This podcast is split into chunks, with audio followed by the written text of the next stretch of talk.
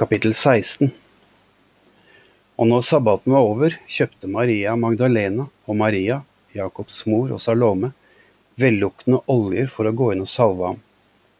Og veldig tidlig, den første dagen i uka, kom det til graven, når sola gikk opp.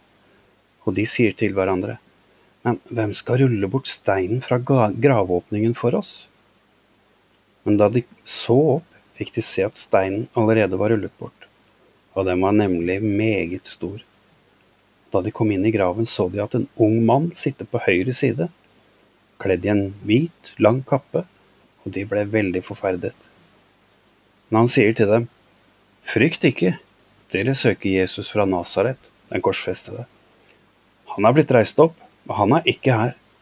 Se, her er stedet hvor de la ham.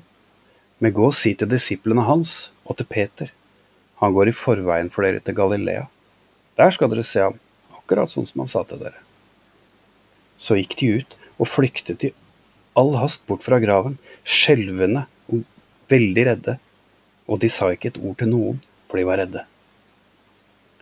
Og etter at Jesus var stått opp tidlig den første dagen i uken, viste han seg først for Maria Magdalena, som han hadde drevet sju onde ånder ut av.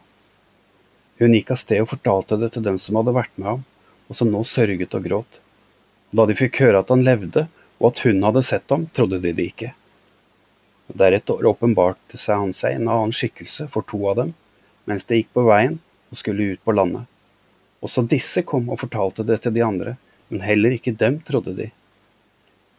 Til sist åpenbarte han seg for de elleve selv mens de holdt måltid, han refset dem for deres vantro og for deres ha- harde hjerter, fordi de ikke hadde trodd de som hadde sett ham etter at han hadde blitt reist opp. Og han sier til dem, Gå ut i all verden og forkynn evangeliet for hele skapningen. Den som tror og blir døpt, skal bli frelst, men den som ikke tror, skal bli fordømt.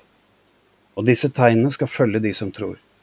I mitt navn skal de drive ut onde ånder. De skal tale med nye tunger. De skal ta slanger i hendene, og om de drikker dødelig gift, skal det ikke skade dem. De skal legge hendene på de syke, og de skal bli helbredet.